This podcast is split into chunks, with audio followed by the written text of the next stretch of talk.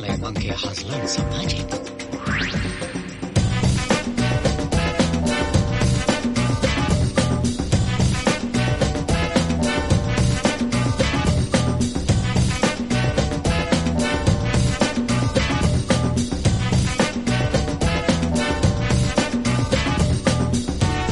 Hola tots i a totes, sigueu benvinguts al programa especial de Lúdica dedicat a repassar els videojocs que més ens han cridat l'atenció de tot l'any. Avui som en Jan Ros, la Laia Montes, Hola. en Xavi Ramiro i qui us parla, Hola. en Marc Angui. Enguany tornem a participar en la jornada de directes a Twitch que organitza GamingCat amb motiu de la marató de TV3. Aquesta edició destinarà la recaptació a les malalties cardiovasculars. Llavors, Jan, comenta'ns una mica els últims continguts que hem publicat a Lúdica perquè sàpiga la gent què és que fem, a part d'aquest podcast. Hem publicat Cavaller Burgès eh, Witcher, la importància de la indumentària històrica a The Witcher, eh, concretament a The Witcher 3 Wild Hunt, un article a càrrec de Gemma Pallarès. que el volia destacar perquè és la segona, segona col·laboració amb Aborigine, la revista de divulgació històrica amb qui vam fer un acord i cada dos mesos tenim un contingut molt especial que el fem entre gent de Lúdica i gent de- d'Aborigine. En aquest cas, la Gemma Pallarès no és del nostre equip, sinó de, és una col·laboradora d'ells. No sé si és habitual, però és molt interessant, no?, la part aquesta de- d'indumentària, de, de moda i d'armadures uh, de Witcher. Eh, La veritat és que a mi em, em va semblar fascinant el llenguatge que utilitza. Eh, també hem publicat una entrega especial del podcast, l'entrega 21, eh, que vam poder enregistrar en directe al Saló de Saga, al Saló del Gaming. També eh, tenim el videoblog eh, amb la valoració més personal que vam fer. El videoblog és exclusiu pels subscriptors i bé, també ara ho comentarem, eh, és un format que és d'actualitat. I bé, el, el podcast que comentaves del Solo del Gaming doncs és fet allà al, al Saga i vam en- entrevistar gent de Gaming Cat pel tema dels premis en què hem participat i també de l'organització del propi saló, que és gent de plataforma, i llavors també vam descobrir bastants títols en català. Us recomanem molt que l'escolteu. També hem publicat eh, un article sobre els guanyadors i les novetats de la darrera edició de The Game Awards, un article d'Edu Abad. Uh -huh. I per últim, però no menys important, els videojocs d'estil Souls, primera part, l'obra de From Software, de Marc Baiget, que és un assaig bastant potent. De fet, era una, un assaig tan llarg que el, el vam decidir dividir en dos, de manera que aquesta és la primera part que analitza l'obra de l'estudi, i llavors hi ha una altra part que sortirà més endavant, que és eh, explicar aquest gènere que s'ha creat, perquè eh, també ho veurem amb alguns títols que, que podem mencionar avui, de, que han sortit en guany, però també l'any passat ho vam veure. Sempre hi ha una sèrie de jocs inspirats en aquest estil. Molt bé, doncs convido o us convidem que doneu un cop d'ull a aquests continguts que tenim a Lúdica i si us agrada el que fem, doncs ens podeu donar suport subscrivint-vos a la nostra pàgina de l'Aixeta. Llavors, segons el nivell d'aportació, podreu accedir a continguts i avantatges exclusius, com és l'accés al videoblog, en el qual contem breument l'actualitat, que ja havia comentat abans en Marc. Llavors, també un accés anticipat al podcast, sortejos de videojocs recomanats i convocatòries i missatgeria directa. I dit això, eh, abans d'entrar al debat pròpiament dit, que ens ocuparà avui, fem un repàs per donar una mica de context dels premiats a millor videojoc de l'any de dos dels principals eh, certàmens de videojocs a nivell mundial. Efectivament, comencem amb el guardó Golden Joystick Awards d'aquest 2022. Elden Ring va ser el gran guanyador, el gran premiat, amb quatre categories, el Best Visual Design, Best Multiplayer Game, el Critics' Choice Awards i l'Ultimate Game of the Year. I, per una altra banda, el The Game Awards d'aquest any, també, que ha estat fa poc, Uh, recordeu que hi ha un article uh, a Lúdica on es menciona i es parla, es fa un, molt, un molt bon resum d'aquest premi. Uh, els nominats del GOTY, per tant, el, el joc de l'any, el millor joc de l'any, van ser Elden Ring, A Plague Tale, Requiem, God of War, Ragnarok, Horizon Forbidden West, Stray i Xenoblade Chronicle 3. I, finalment, el guanyador del GOTY va ser Elden Ring.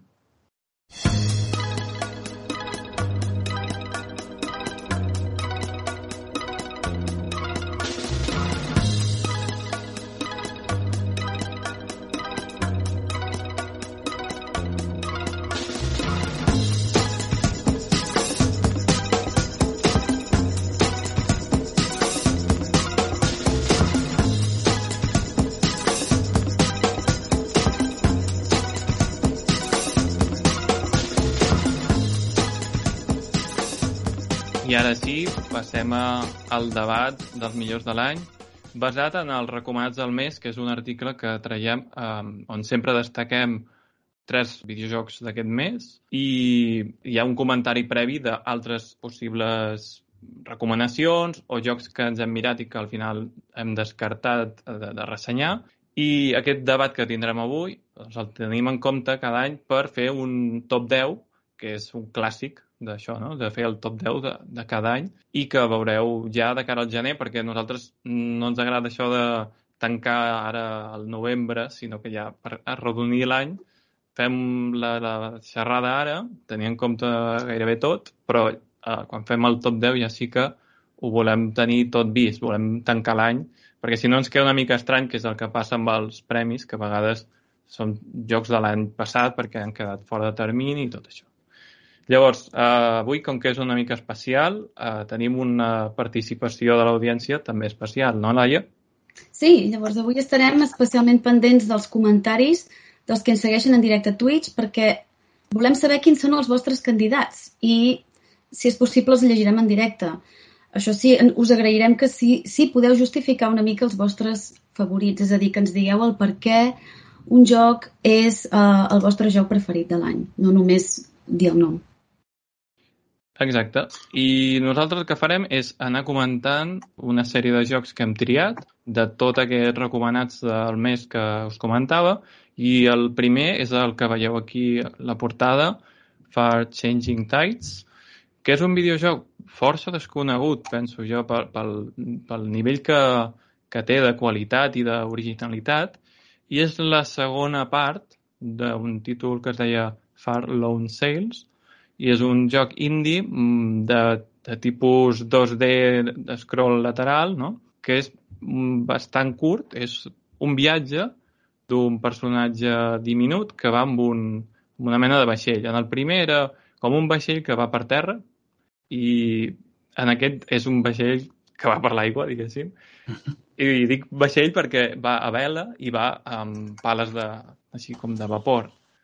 Llavors té un encant tot el, tota aquesta maquinària com funciona amb el vapor i tot el viatge és eh, silenciós, realment no hi ha cap diàleg i no cal, o sigui, és, un, no sé, és una manera d'explicar de, que, que trobo molt sublim perquè no necessita ni, ni que estiguis parlant amb altres personatges ni res, sinó que és descobrir un món que, que és bastant desolat Uh, però té aquest encant no? de, també de grans ruïnes, de descobrir passadissos on pots anar amb el teu vehicle i sobretot el que més m'agrada és que el personatge que controles, que és diminut, es mou dintre el vehicle com, com un mariner que va doncs, a, a atendre el timó, llavors les veles, llavors el combustible, i té una mica que, aquesta...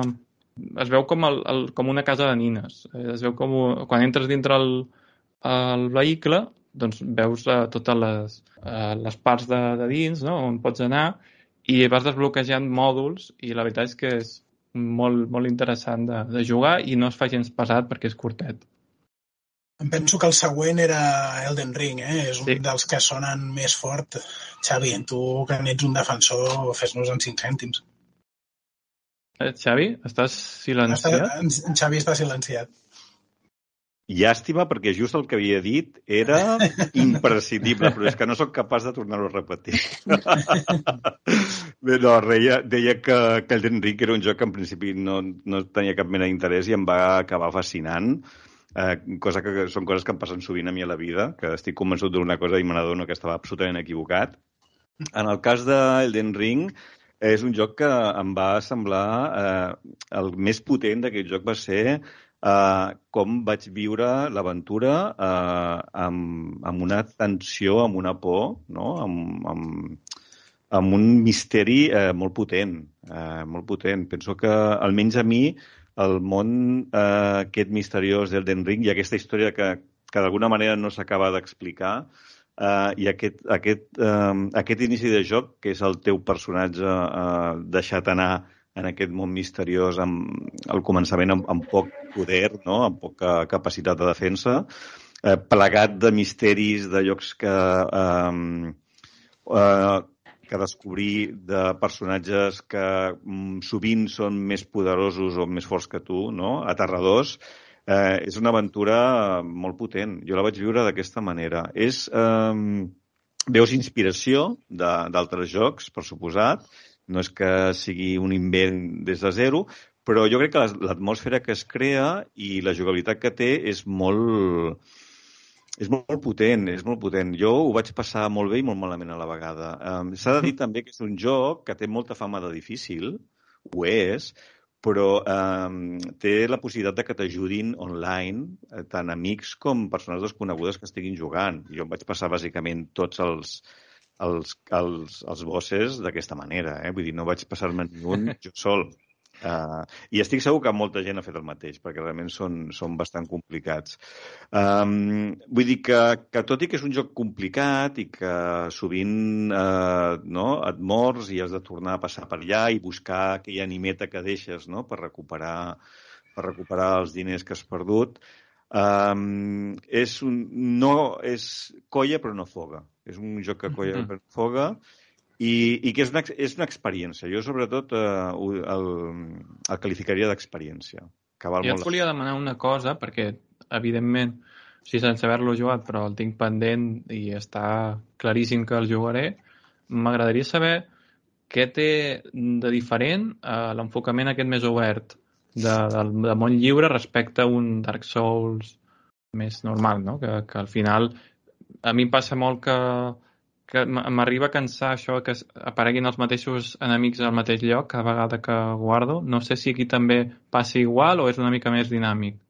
Aquí passa el mateix, vull dir que si tu vas al mateix joc i t'hi trobes en la mateixa situació, eh? Mm. vull dir, no, no hi ha cap canvi. Igual. El que passa és que la diferència potser més important és que ho pots gestar, no? Pots seguir mm. investigant, pots seguir eh, viatjant per aquest món, de vegades trobes eh, mm, passadissos, espais, coves que et porten a l'altre extrem del mapa en un espai absolutament eh, diferent, de vegades no saps si estàs a l'infern, al cel, vull dir, Uh, realment és, és alguna cosa quasi psicotròpica de vegades. Eh? Uh, realment hi ha aquesta sensació de dir, ostres, hi ha una discontinuïtat en el millor dels sentits, no? en, en aquest univers, vull dir que de cop i volta, sense voler-ho, vas a patar a l'altra punta i està realment en un altre món, literalment, eh, que, és, que és una sensació molt notable i que, i que no havia viscut eh, massa en els videojocs, perquè normalment s'intenta al contrari, que hi hagi com una coherència, no? que sempre tinguis la sensació d'estar al mateix lloc, al mateix món. No? I aquí eh, sí que hi és, però d'una manera molt, molt complexa, molt ben construïda, de tal manera que té l'ànima del joc, però te'n vas, a, te vas a espais que són, que són molt diferents. Eh, torno a dir-ho, per mi jo crec que és sobretot una experiència eh, que no cal acabar-la tampoc. No cal acabar-la. Mm. Jo crec que si és un joc que si jugues 20-30 hores, jo vaig jugar eh, 70, una cosa així, ja has viscut una experiència mm, diferent. Almenys per mi ho va ser. Um, ahir o abans d'ahir parlava amb algú que n'és un gran fan de, d'Elden Ring i em deia sí, és un dels millors videojocs de l'any, segurament, però és dels pitjors jocs de From Software. No sé com ho veus tu, això. No sé si n'ha jugat gaires més. Uh, jo no tinc una relació especialment satisfactòria amb Front Software, no perquè no m'agraden els seus videojocs, sinó perquè penso que en la fórmula jugable hi ha una mica de trampa. És molt, molt exigent, no perquè el que et demanen sigui especialment difícil, sinó perquè qualsevol acció errònia penalitza moltíssim i, i acaben frustrant-me. Però vaja, tots els videojocs de Front Software que he jugat em semblen grans videojocs, sobretot des de pel que fa a l'apartat artístic, però no he provat el Den Ring. Creus que no és dels millors jocs de From Software o què hi dius tu? No t'ho puc dir, perquè no, no, soc gaire, no soc gaire basat als jocs de From Software. De fet, a mi són uns jocs que en, en principi no m'atraien gens. Per això també aquesta mania al principi a Elden Ring, no? Però en aquest cas eh, m'han guanyat. Entenc aquesta crítica eh, que es fa, perquè si això sí que tu trobes Elden Ring d'aquesta dificultat, eh, que de vegades és com molt cruel i de vegades et sents com molt impotent, no? Realment et sents una mica abandonat, no? Uh, mm. Acostumat a, a molts de jocs que cada cop t'ajuden més i d'alguna manera sempre et sents acompanyat, no? Però eh, també forma part del seu encant. Segurament no jugaria a molts jocs d'aquesta mena, eh? amb aquest nivell de dificultat constantment Però l'experiència en general, eh, eh, diguem, guanya amb aquesta dificultat. En el context funciona molt bé. Si algú vol una comparativa de tot, doncs eh, pot anar al, a l'article que deia abans, el, el del Marc Baiget, que és tots els jocs de From Software de Steel Souls i bueno, és un, ell s'ha fet la passejada per tots aquests mons de, de, de seguit o sigui que no sé, jo no sé com ho ha fet amb aquesta soledat i aquest, aquest punt depressiu que té, però bueno, ell es veu que no, això no li afecta. Doncs, si voleu, canviem una mica. Uh, uh -huh. Encara seguim expectants a, a les vostres propostes, als vostres comentaris al xat. Uh, continuarem esmentant un videojoc que, que segurament quan repassem el millor de l'any no és dels primers que, que surten i, i hi ha una crítica inherent a la fórmula de Supermassive Games i els tipus de, de jocs que, que ha posat en marxa una mica així eh, d'una forma molt, molt, molt seguida. Eh, fem referència a The Quarry. Eh, es tracta d'un videojoc amb una càrrega narrativa important. És un, podríem dir que és un, un survival horror, però amb, amb, segueix l'estela del survival horror a partir del moment en què es van convertir en action survival i eh, per comptes de posar en primer pla l'acció el que fa és intensificar el que ens recordaven justament els jocs d'abans. No? Eh, és un títol que jo que he jugat altres títols de Supermassive eh, Games em, em sembla em sembla que el que recupera és el, el bo i millor del que van aconseguir fer amb, amb jocs com no recordo si era The Patient, el, el que és de, de, de realitat virtual, el que hi havia abans era um, Until Dawn, si no recordo malament. Segurament és el primer joc amb el qual es van fer un nom en aquest àmbit, eh, dels, dels videojocs de terror. I des de llavors n'han tret un fotimer. Eh, sembla que els facin una mica amb motllo, però cada cop hi ha eh, aspectes nous i aspectes més interessants. He dit que hi havia aspectes criticables també, no? Per exemple, eh, hi ha la possibilitat de passar-se el joc com a espectador, com si fos una pel·lícula. Aquest, aquesta qüestió que nosaltres com a videojugadors la trobem criticable segurament, fa que el joc sigui realment bastant accessible i que sigui inusualment accessible per a un videojoc de terror. Eh, jo l'he jugat amb la meva parella, mm, n'ha pogut justament estar comentant ara mateix i crec que el que té d'interessant és que aquesta manera de, de, de presentar l'acció d'una forma molt menys interactiva, si voleu, o molt menys immersiva, permet una certa distància amb la narració que pot ser satisfactòria per persones que justament no s'atreveixen en videojocs de terror que els mm. fan, que els fan una por especial. No sé si l'heu provat. Eh? A mi m'ha agradat, tot i que estava una mica escarmentat mm, de la repetició de la fórmula Supermassive Games. Les, les aventures, per això, són prou diferents entre elles com perquè cada nou videojoc de la casa sigui interessant per ell mateix, t'agradi menys o, o, o més del que ell explicant. Sí, a mi em sembla interessant, no, no l'he jugat, però m'agrada molt aquest tipus de videojoc que no són tant per hardcore gamers, sinó que, que es poden gaudir amb qualsevol persona i la veritat és que també es fan menys feixuc, encara que t'agradin molt els videojocs. Uh, això de poder compartir um, això unes hores o el que duri, no? Si és com una pel·lícula, té un consum també mm. que és més fàcil de fer en companyia. A més, com que té un protagonisme coral, a, a, de vegades el protagonisme coral és, és discutible, no? perquè hi ha personatges que són eh, detestables des de tots els punts de vista i després n'hi ha d'altres que penses que són antipàtics però que acaben, que acaben sent, no sé, que acaben tenint algun aspecte que se't posen a la butxaca, no? I eh, tot i que mm, et presenten un, un, una, un, un, un repartiment així com bastant heterogeni, tots són bastant el, el típic adolescent eh, mm. estatunidenc i pot fer una, una certa ràbia això en un principi, però després veus com actuen en situacions eh, de terror i n'hi ha que fan coses doncs, que són qüestionables, n'hi ha que actuen de forma noble, no? I el que, passa, mm -hmm. el, el que els passa és prou mm, preocupant com perquè si et preocupes una mica per ells també, els intentis salvar tots, que també era la gràcia del primer Until Dawn i han anat repetint aquest aspecte en jocs posteriors. Molt bé. Seguim, doncs? Perfecte. Um, I volia comentar el Return to Monkey Island. Se m'ha tallat un moment, crec, la, la connexió. No sé, no sé si ho heu mencionat, No, això. eh? jo no m'he No, no ens hem adonat. Llavors, no, no, no sé si m'he perdut alguna cosa. Um, llavors, què dir del Return to Monkey Island? Vull dir, és una sèrie mítica, clàssica, de les aventures gràfiques, més en concret dels point and click, del gènere point and click. Llavors, uh, bé, tornem a, a, a, a ser en Guybrush Threepwood uh, i torna un altre cop a Melee Island. Uh, I bé, torna, torna a voler trobar el secret de la illa del mico. I, i aquesta és l'aventura, és una altra, és una nova aventura eh, amb aquest protagonista que vol ser un pirata, però bé, és un pirata d'aquella manera, no? Um, manté el mateix humor eh, dels clàssics i, de fet, crec que respecta molt els jocs antics. Llavors, tant pel que fa als guinys dels jocs anteriors com pel que fa al gènere del point and click.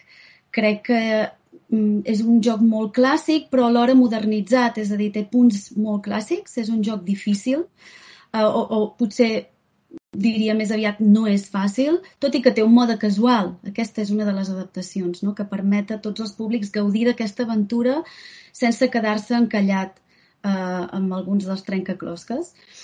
Uh, llavors, altres coses que ha modernitzat uh, el joc és que no és possible intentar fer totes les accions i això el que fa és que minimitza la pèrdua de temps provant uh, un munt d'accions que al final et port no et porten enlloc. Llavors, això també és molt interessant. Uh, al principi continua just on ho va deixar el, el segon joc, el Monkey Island 2, i, i continua just allà i llavors un altre cop ens trobem en què en Guybrush explica una història i el joc és aquesta història que està explicant en Guybrush i això també passava al 2, no sé si heu jugat alguns de vosaltres, però ell li explicava una història a la Elaine uh, i llavors aquesta història doncs, la jugaves tu, no? Llavors a mi m'ha semblat un joc molt ben aconseguit, els gràfics crec que van ser um, objecte de crítica al principi per molts dels seguidors de Monkey Island. A mi em sembla que funcionen molt bé amb un, amb un tipus de gènere com és aquest, que és la comèdia, uh, una mica absurda, que és el que intenta fer el Monkey Island. Um, segueix sent igual de divertit, per tant, aquí ho ha aconseguit molt bé uh, en Dan, que és el, el, el desenvolupador original de la, dels primers dos jocs. Um, i vaja, uh, si, si crec que funciona, és un joc que funciona pels fans dels jocs originals, però és que també funciona per, per la gent que no ha jugat aquests jocs. És una història que pot funcionar uh, completament independent de les altres. I gràcies a tota aquesta modernització, diguem-ne, de, de les mecàniques, és molt accessible, sense deixar de, aquesta, de ser difícil, eh? Mhm. Llavors, per mi, és un dels millors jocs que han sortit aquest any i, a més a més, un dels millors jocs uh, d'aventures gràfiques uh, que s'han tret també en els últims anys, que gràcies als jocs independents s'ha tornat a reviure aquest gènere que semblava una mica mort i és una altra entrega que, bé, que una molt, gran, molt bona entrega a aquest gènere. No sé si sou fans de la saga original, uh, sobretot de l'1 i Jo el no, 2, tot i que llavors n'han tret uh, molts més, eh? Més endavant. Mm. A veure, Jo- sí, en certa mesura. El que passa és que hi ha fans tan, tan enormes de, de Monkey Island que en comparació em sembla que jo doncs, sí, he, he gaudit, gaudit especialment del primer i després molt menys de la resta, no perquè mm, no em semblin jocs interessants, segurament són grandíssimes aventures, però perquè no m'han atrapat de la mateixa manera. Volia preguntar-te, Laia, eh, sobretot pel, per l'enfocament artístic. Sé que va ser polèmic en un principi i que és una de les coses que ha donat bastant eh, a parlar a les xarxes socials. Mm, el trobes satisfactori? Creus que encaixa bé amb l'estètica de la saga, que de fet ha anat canviant en ocasions? Sí, per mi sí. A mi m'ha funcionat molt bé, per això que dic, és una sèrie que és, um, és còmica, és a dir, no, no és seriosa. Llavors, no passa res, pots posar un altre tipus de, um, um, de dibuix, però jo que, crec que aquest li funciona bé. A mi em va funcionar des del principi, per tant, potser jo sempre vaig ser de l'opinió que ja, ja funcionava.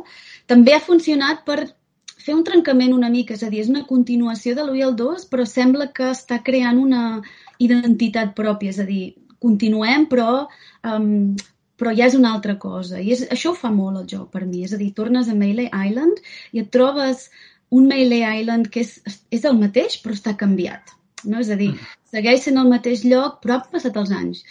I hi ha aquesta nostàlgia, per mi, eh? sobretot al principi, d'això que que, que va ser i que, i que ja no pot tornar a ser i que ho estàs revivint però ja no és el mateix i una mica funcionen també amb els gràfics, una mica també amb la jugabilitat, és a dir, com he dit, és un point and click eh, que respecta, és a dir, molt els clàssics però no és el mateix que abans, tot i que funciona d'alguna manera molt bé també um, actualment.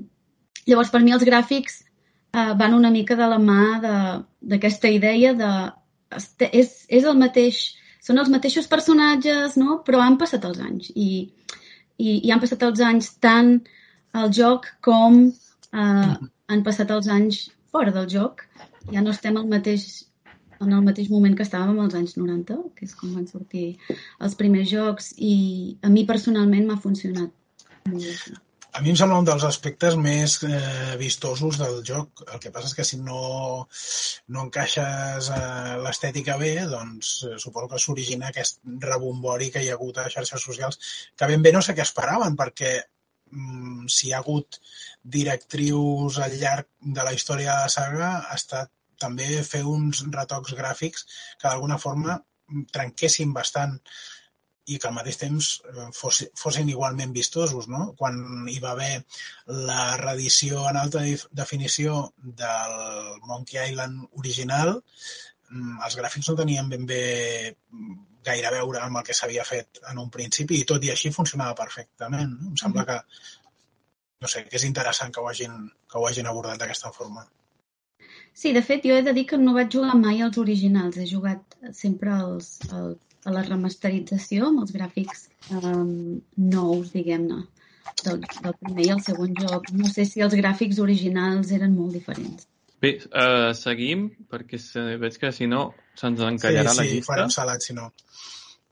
Vale, em toca a mi. Uh, porto el Warhammer 40.000 Dark Tide, que és un joc molt interessant i vull fer l'apunt de que moltes vegades la marca prèvia que imposa Games Workshop no, amb el Warhammer 40.000 moltes vegades tira enrere a cert públic perquè com que n'hi ha tants i la majoria són mediocres, no? de, de jocs que tenen una llicència basada en aquest univers, doncs pot semblar que tots són igual. I realment aquest eh, és molt recomanable. És un joc que, perquè ho entengueu, eh, us explicaré d'on ve el gènere, si és que no el coneixeu ja, que, que és el mític Left 4 Dead, que és un joc cooperatiu de disparar contra hordes de zombis, no? Doncs això, Fat Shark ho va agafar i ho va convertir en un joc d'aventures amb l'univers de Warhammer Fantasy, que va funcionar molt, molt, molt bé. Eh, es diu Vermintide, ja té dues entregues, i funciona molt bé perquè per la mateixa raó que funcionava bé Left 4 Dead, i és que pots jugar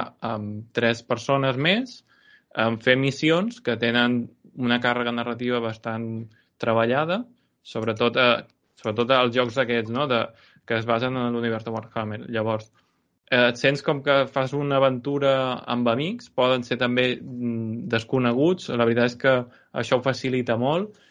Jo quan he jugat amb, amb amics de, de veritat, doncs clar, és molt més satisfactori, però quan jugo amb gent així per, eh, en línia desconeguts, també és, és molt fàcil encaixar, perquè eh, està molt clar cap on has d'anar, què has de fer, i hi ha una cooperació contra eh, enemics.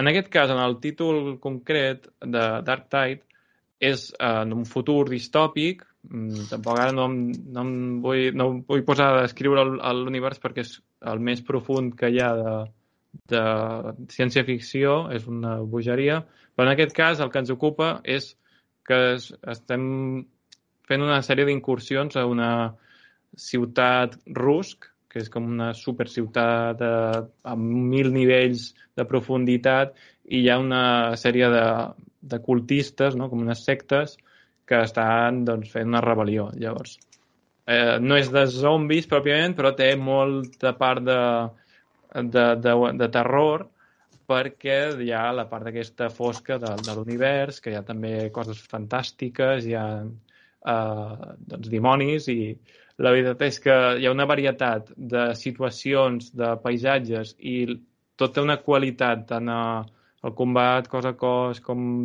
Mm, disparant que, que és molt, molt agradable de, de jugar. És un joc per, per gaudir així amb amics o amb, o amb qui sigui. Això sí, és un joc d'acció en primera persona, que evidentment no és per tots els públics, però vaja, per mi és un dels títols més esperats de, de l'any, personalment i per, per, per la gent que li va agradar molt a Vermintide. M'agradaria dir que, és interessant el que estan fent des de Warhammer amb les adaptacions dels seus videojocs perquè hi ha varietat de gèneres. Jo recordo haver jugat al Warhammer 40.000 uh, Space Marine de Xbox 360, si no recordo mm, malament. Sí. Crec que també va sortir per PlayStation 3 i era un, un videojoc d'acció en tercera persona que si semblava alguna cosa era segurament a Gears of War mm. Però mm. després han, han sortit altres videojocs de la saga que segurament s'apropen molt més al que ofereix aquest uh, tabletop, aquest joc mm, d'acció de, de taula i no sé, potser el, el que és interessant de, de com traslladen la franquícia a un, a un entorn que també és lúdic però que no té els condicionants d'aquest joc de taula convencional, mm, dins del seu àmbit, clar, és que, és, és que hi ha realment trencaments bastant, bastant importants a l'hora de, de traslladar aquest, aquesta saga. Em crida molt l'atenció, eh? no sóc mm. un jugador de Warhammer, però sí que em va agradar molt el Warhammer no, Space Marine. Ja veureu que cada vegada tindrà més rellevància. O sigui, ara és, és innegable que està per tot la marca, però mm -hmm. també fa res, fa uns dies, ha sortit l'anunci del Henry Cavill, que és conegut friqui d'aquest món, que protagonitzarà i farà de productor executiu d'una gran superproducció d'Amazon i mm -hmm en realitat, per, per la gent que coneixem aquest món, són molt pesadets, però és que en el fons és una cosa de justícia perquè sabem la, la, la profunditat que, que pot arribar a tenir no? aquest univers. Per tant, és, és un pou que no té fons per fer qualsevol tipus de joc. Evidentment, el més lògic és fer les adaptacions, com deies, no? d'estratègia, de, que ja s'han fet, algunes interessants, altres no, però ara també s'està explorant molt eh, els jocs d'acció i, i narratius fins i tot, i vés a saber què més sortiran, perquè de novel·les sempre n'hi ha hagut eh, moltíssimes, o sigui que és un, és un univers de, que no et permet fer qualsevol cosa, no? I, i bé, ja, ja em callo perquè no, si no, no se'n va. Sí, sí, sí, tirem pel dret. Em sembla que em toca a mi, no? Bé, volia destacar uh, l'últim videojoc de les Tortugues Ninja, que des del meu punt de vista ha estat una joia poder-hi jugar perquè recorda mm, títols de, mm, de l'alçada d'Arcade Game mm, Teenage Mutant Ninja Turtles The Arcade Game, un joc dels, del 89, o Turtles in Time del, del, 90, del 91. Eh, és, és el tipus d'acció arcade que molts trobem a faltar, els de l'equip de Tribute Games, que de fet és un estudi eh, que sorgeix, de, per dir-ho d'alguna forma, de les cendres d'un estudi eh, que va ser responsable d'un altre busca raons dels, dels millors dels últims anys, Scott Pilgrim versus The World Game, un títol del 2010 que ha estat, de fet, reeditat últimament. Eh, trobo que aquest Shredder's Revenge és un dels millors eh, buscarraons dels últims anys. Eh, dona, ofereix acció eh, per donar i per vendre. Mm, realment s'assembla molt a aquell joc contra el barri del passat en què els que jugaven a, a les maquinetes quan, quan érem més joves, doncs eh, trobem a faltar. I, i, I a més té una factura gràfica maquíssima. Per mi és dels millors de l'any. Sé que segurament no serà dels primers en el pòdium, però, però vull destacar-lo perquè hi ha hagut moltes sagues que el que han fet és redefinir el, el gènere aquest, però, però saber-lo actualitzar d'aquesta forma em sembla que, que és de justícia que reconeguem com ho han fet les Tortugues Ninja. M'agrada moltíssim. Jo tinc moltes ganes de jugar-lo. Per mi les Tortugues Ninja són una icona eh, potentíssima, una icona pop mm, bestial que no sempre s'ha tractat bé, que ara no, jo crec que no s'està tractant bé, que malauradament s'ha de mirar al passat per veure les seves versions més potents. Per suposat la del còmic original, que en el seu moment jo crec que a molts ens va... A tota una generació de gent que li interessava el còmic que ens arribés eh, aquella barreja no? de còmic d'underground americà per una banda, però de superherois per una altra, es va fascinar i, i l'estètica que es va mm, que es va que es va fer després més coneguda, que és l'estètica de la sèrie de televisió, que és la que té el joc, és, és, és meravellosa. Jo he estat mirant el, el gameplay del joc i, i només per la gràfica ja val la pena. Jo crec que ja val la pena tenir-lo, a més de que estic segur que és, que és divertidíssim, seguríssim. Mm -hmm. Sí que ho és, sí. Crec que l'estudi uh, o els desenvolupadors que, que han fet aquest joc són els mateixos que van fer el Streets of Rage 4. Sí, sí, sí, sí, sí. Llavors, jo no he jugat el de les Tortugues Ninja, però sí que vaig jugar a les Streets of Rage i és espectacular uh, com han aconseguit um, o com van aconseguir en aquell moment uh, que els jugadors tornéssim a reviure uh, l'experiència de jugar un Streets of Rage i, i, i com, um, com puja l'adrenalina quan tens tots els enemics al voltant. Uh, I és visualment també. A més, és d'aquests jocs que és un gust jugar-hi en companyia, eh? perquè mm, poden jugar quatre amics eh, alhora, eh, sigui amb els mateixos, eh, sigui en el mateix lloc, o sigui, recupera molt l'essència d'abans, com sigui de, en, en línia i, i està, està molt bé.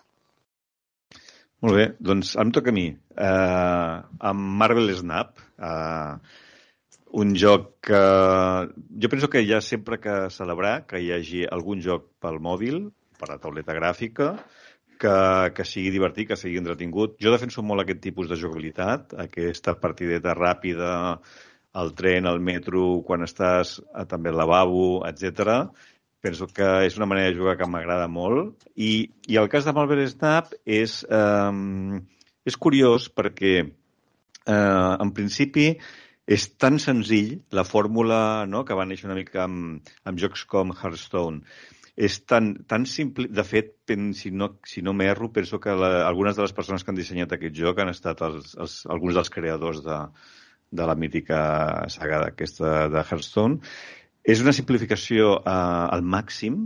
Són partides sempre online, eh, de molts pocs minuts, eh, on jugues amb cartes que representen la infinitat d'herois i, i dolents de l'univers Marvel.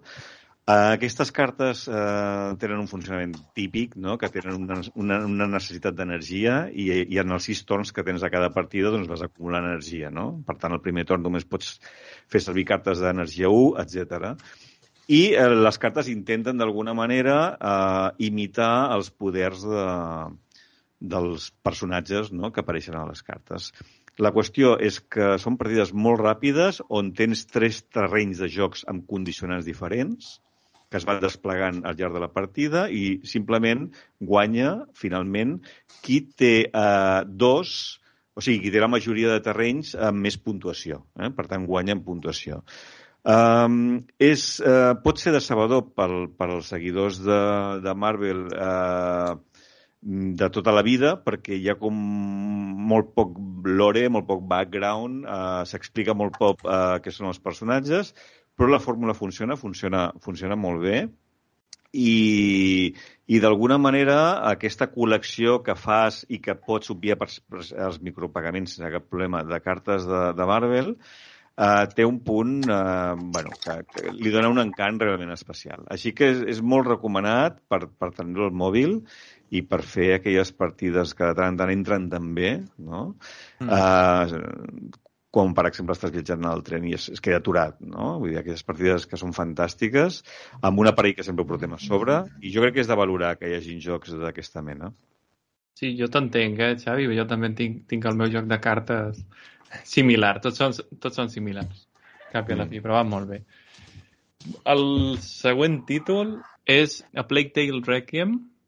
Bé, és un joc que és força fàcil d'explicar. De, és la continuació d'una història de dos germans que, bé, és un context de, de la pesta a Europa, no? I és, bueno, de fet, a, a França, i d'un punt així una mica fantasiós, no? que aquesta pesta està provocada per una malaltia així estranya que, que porta el nen.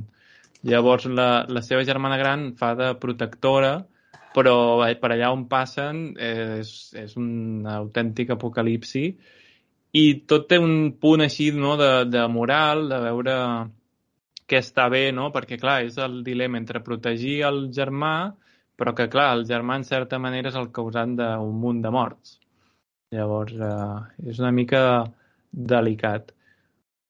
I, i bé, no, no, no tinc més a afegir. La veritat és que és un joc que, que està prou bé, és una experiència molt, molt interessant narrativament. El que passa és que la part jugable, que, que juga molt amb trencaclosques d'espantar de, les masses de rates amb, amb foc, amb llum, doncs es fa molt pesat, per mi, almenys. Mm. Llavors, eh, té molt d'interès la història. De fet, em recordava una mica a The Last of Us, amb algunes coses, amb alguns trets narratius i fins i tot jugables, també li copio algunes coses, però eh, es fa molt més eh, convencional i repetitiu. Llavors, sí que trobo que és molt destacable, però potser no... En un any tan potent, doncs queda una mica mm. Potser no, no, no ha aconseguit trencar de la mateixa manera que ho va fer el primer, eh? que a Sobo Studio, un, un estudi que són part dels, dels responsables del, del Microsoft Flight Simulator, doncs amb una aventura eh, d'acció en tercera persona eh, amb un èmfasi molt important en la part narrativa, van sorprendre quan van treure la, la primera part. Potser amb aquesta el que han fet és frustrar molta gent per el vessant aquest tan repetitiu de l'acció, no? Mm. Doncs ara sí, uh, seguim amb Stray, que ja el tenim aquí en pantalla. Laia? Uh, quan va sortir, uh, crec que va ser a l'agost, va ser com una bomba de, de les xarxes, va tenir uh, molt de ressò entre el públic i bé, ja, potser, potser parlem primer del que és uh, Stray i Stray és un joc d'aventures i podríem dir una mica de plataformes, tot i que de manera és molt, molt, plataforma molt simple. I llavors també ens trobem amb alguns trencaclosques, també molt senzills, al llarg de l'aventura. Llavors, es tracta d'un gat, el protagonista és un gat, eh, que cau en una espècie de món subterrani d'on no es pot sortir i que està habitat per robots. No? I a partir d'aquí, eh, el, que haurà, el que hem de fer com a jugadors és explorar aquest món um, intentar sortir i, i bé, i ens trobarem amb, no sé, amb, farem amistats, potser podríem dir-ho, no sé si un gat fa amistats, però sí que coneixerem a gent i... i, i Coneixem i a gent? Perdona, con coneixem bueno, a gent? No, no, no. A, no, vull entrar, no vull entrar en detalls, Jan, no vull entrar en detalls, perquè si entro en detalls, podríem dir que és gent. No sé fins a quin punt tots són gent, però podríem dir que alguns dels que coneixem són gent. um, llavors, en, en el fons ens trobarem tots robots, eh, són tots robots, eh, però sí que té a veure amb un passat i té a veure amb, la, eh, amb una civilització humana que hi havia hagut en, aquell, eh, en aquest món subterrani. Eh, crec que el més important d'aquest joc potser... Crec que se l'ha criticat molt perquè no, no té mecàniques molt profundes, però crec que tampoc pretenia aquest joc tenir mecàniques profundes. Jo crec que el més interessant d'aquest joc és aquesta uh, exploració d'aquest món subterrani des del punt de vista d'un animal, d'un animal que és molt realista. És a dir, no ens trobem aquí amb un animal antropomòrfic, ens trobem en, amb un gat que és un gat, uh, com el coneixem a la vida real i que es mou com un gat i que més o menys actua com un gat. No? És crec, un dels primers jocs que intenta fer això, perquè tots els jocs que ens hem anat trobant amb animals solen ser animals antropomòrfics. I també és un dels primers jocs que ens trobem amb un gat d'aquestes característiques que és d'alguna manera protagonista, perquè sí que havíem vist, per exemple, gossos que eren companys d'humans que portàvem nosaltres com a jugadors i sí que eren gossos um, com gossos gossos com els coneixem a la vida real i en aquest cas és el, eh, ens trobem amb un gat, no? I crec que és, jo almenys no m'he trobat amb una experiència com aquesta, crec que el joc buscava això, no tant um, Uh, perquè ho podria haver fet molt fàcilment i implementar mecàniques més profundes, molt fàcilment es podria haver fet. No ho han fet i crec que no ho han fet perquè buscaven això. Buscaven que el jugador uh, es fiqués a la pell d'aquest gat i que explorés i que uh, visqués una aventura des d'aquest punt de vista sense uh, tenir masses obstacles al davant. Jo volia dir dues coses sobre aquest joc. Un, que sabíem que a la Laia un joc sobre gats segurament li agradaria molt i que ens el destacaria com un dels millors de l'any. I de l'altre que, que potser és un d'aquells jocs en què sovint fa una mica de ràbia que se li fan alguns retrets eh, que tenen a veure amb el que no és el videojoc. I la concepció d'aquesta aventura és doncs, posar-nos en, en, en el lloc d'un gatet en un món que té un, una sèrie de característiques i aproximar-nos a, a, a aquest món pòsthumà, d'alguna forma, eh, d'una manera que no, que no ho fan altres, altres, no? altres videojocs, sinó tampoc potser s'assembla a, a aquella pel·lícula de Disney del robot, no? No, no sé, no sé, ja sé, ja m'han ja dit que he fet masses spoilers, no vull, no vull continuar per aquí, però vaja, volia dir aquest parell de coses.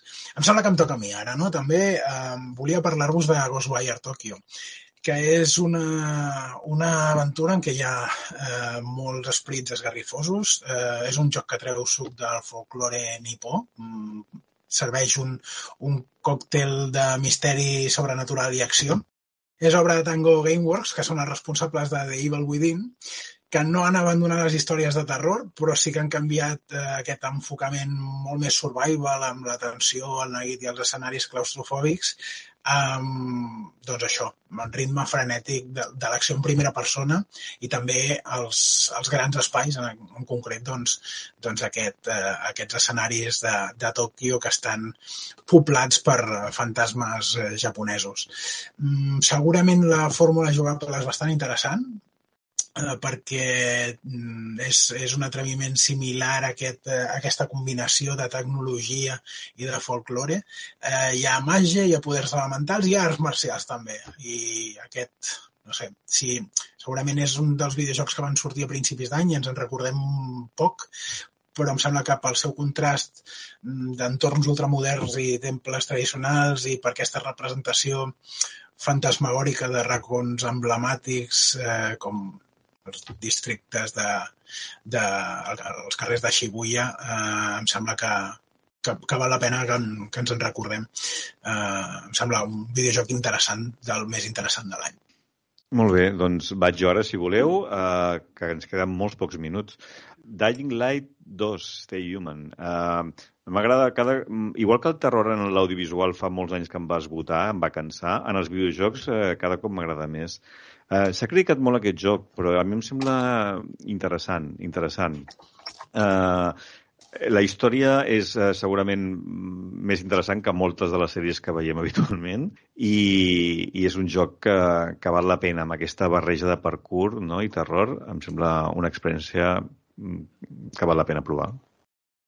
Ah, em toca a mi, em sembla. Eh? Hi ha algunes imatges que no, no és compatible al format, per això no sortien, Mm, llavors, bé, passem una mica de puntetes. A veure si el, tinc, sí que, aquest sí que, que el tenim la imatge, que és el Two Point Campus, un joc molt divertit de gestió d'un campus universitari totalment surrealista, no, no espereu una cosa realista i ni falta que fa perquè és molt divertit veure com eh, les lliçons que s'imparteixen són un autèntic despropòsit i els estudiants i els professors també fan de les seves i té aquest punt així d'humor eh, molt, molt entretingut i, i la veritat és que és molt simpàtic. És un joc que, que es pot gaudir durant bastant de temps perquè té moltíssim contingut i sempre hi ha cosetes noves i bé, és bàsicament això, construir un campus, gestionar-lo i que passin coses boges.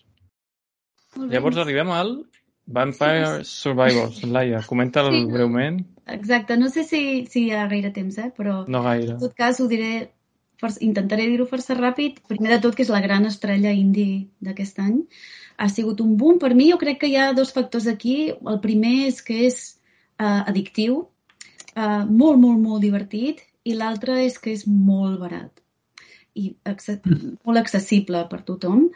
També molt accessible per aquells que tinguin uh, un ordinador que sigui una torradora. Llavors, eh, pots jugar-hi a tot arreu, no? en qualsevol ordinador.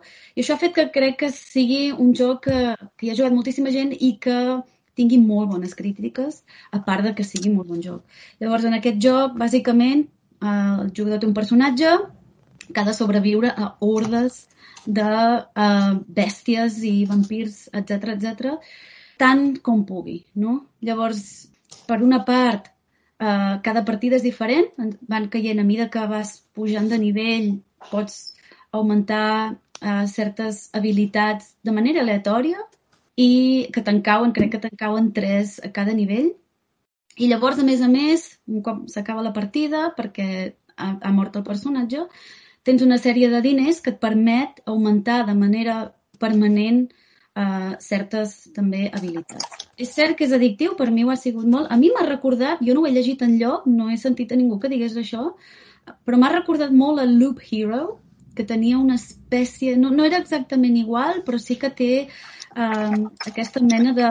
Uh, uh, diguem-ne, no sé, un gameplay tan addictiu i que cada partida és força curta normalment, pot ser també més llarga, depèn del que, del que aguanti uh, el jugador, però en tot cas uh, molt addictiva i també que ve donada per la sort, no? de què, què és el que pots fer i que t'has d'adaptar com a jugador uh, a les habilitats que pots, uh, diguem-ne, augmentar cada cop que puges un nivell. No sé si l'heu provat vosaltres. Sí, sí només, només vull dir que hi ha una versió gratuïta per a iOS i Android. I que si veus una publicitat et dona una vida més. Llavors també hi ha un DLC, no ho he dit, però han tret fa molt poc un DLC del, del joc. Bueno, ens en queden tres, ens deixen una mica de marge, uh, podríem esmentar-los breument.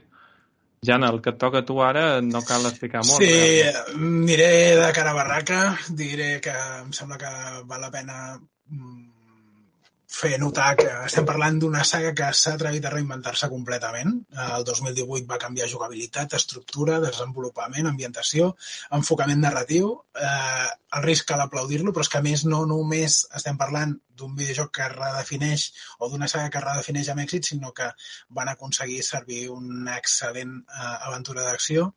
En aquesta entrega es manté el, aquest eh, pla seqüència completament revolucionari. Mm, no percebem pantalles de càrrega, per bé que hi ha temps de càrrega eh, que estan molt ben camuflats. Mm, hi ha un, els que ens agrada la mitologia és, és un gaudi impressionant tot el desenvolupament de la història com ho ha estat cada God of War i, en fi, mmm, poca cosa més a dir. Hi ha un desplegament gràfic que és extraordinari. M'agradaria fer notar que mm, la redefinició de la saga per mi té molt a veure amb el que Mercury Steam va fer amb Castlevania i fins i tot l'ús de la càmera a l'espatlla del, del personatge en, un, en una saga que havia estat fins fa poc, doncs això, un hack and slash, eh, això és bastant característic del que van fer i, no sé, poca cosa més a dir. Un, arriba al final de l'any i segurament encapçalarà totes les, llistes, les llistes dels millors de l'any. Em sembla que només ho pot fer Santa Mònica Studio, déu nhi doncs el que ja estem acabant, eh? el que passa ara no crec que estigui a les llistes o gaire llistes, es diu As Dusk Falls i perquè, mira, m'ho posa molt fàcil. És un joc molt narratiu de tipus eh, escollir opcions eh, com ho feia Telltale. I bé, ara és com una mica recuperar aquest, aquest tipus d'aventures que es poden jugar fins i tot amb el mòbil. Té, té un component molt, com molt més assequible per qualsevol públic que no sigui jugador i no desvalaré gaire de la, de la trama i, i així m'estalvio d'escriure, però és, és bastant bèstia tot el que passa, és una cosa molt realista, és un drama, però no és un drama tampoc d'aquests que es fan molt pesats, sinó que té, té una part d'intriga i interès eh, molt interessant, o sigui, bueno, molt interessant, lògicament. Eh, doncs molt recomanable, també és bastant curt, el podeu jugar eh, al Game Pass i bé, aquí va la, la, la meva reivindicació final. Ens queda un últim Sí, em toca a mi.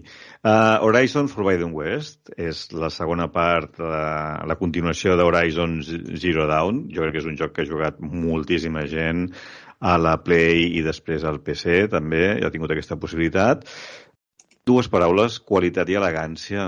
Jo crec que, igual que la primera part, no? Um, és un joc uh, amb un món diferent, amb molt ben fet, uh, estèticament molt potent, i, eh, i molt femení, també, en certa, en certa manera, eh, gràcies a la protagonista i la manera de veure moltes, moltes coses d'aquest joc. Eh, crec que, que és un joc de qualitat, que no és poca cosa.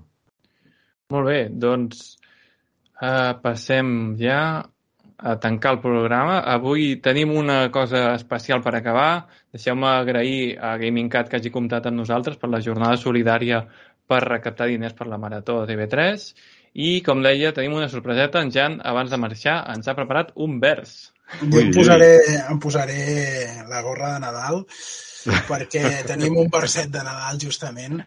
Um, ens acomiadem així avui. Deixeu que expliqui amb un romanç que arribat el temps de l'any en què ens apleguem i fem balanç, mirem enrere i amb afany, pensem en allò a què hem jugat abans i recordem passades aventures.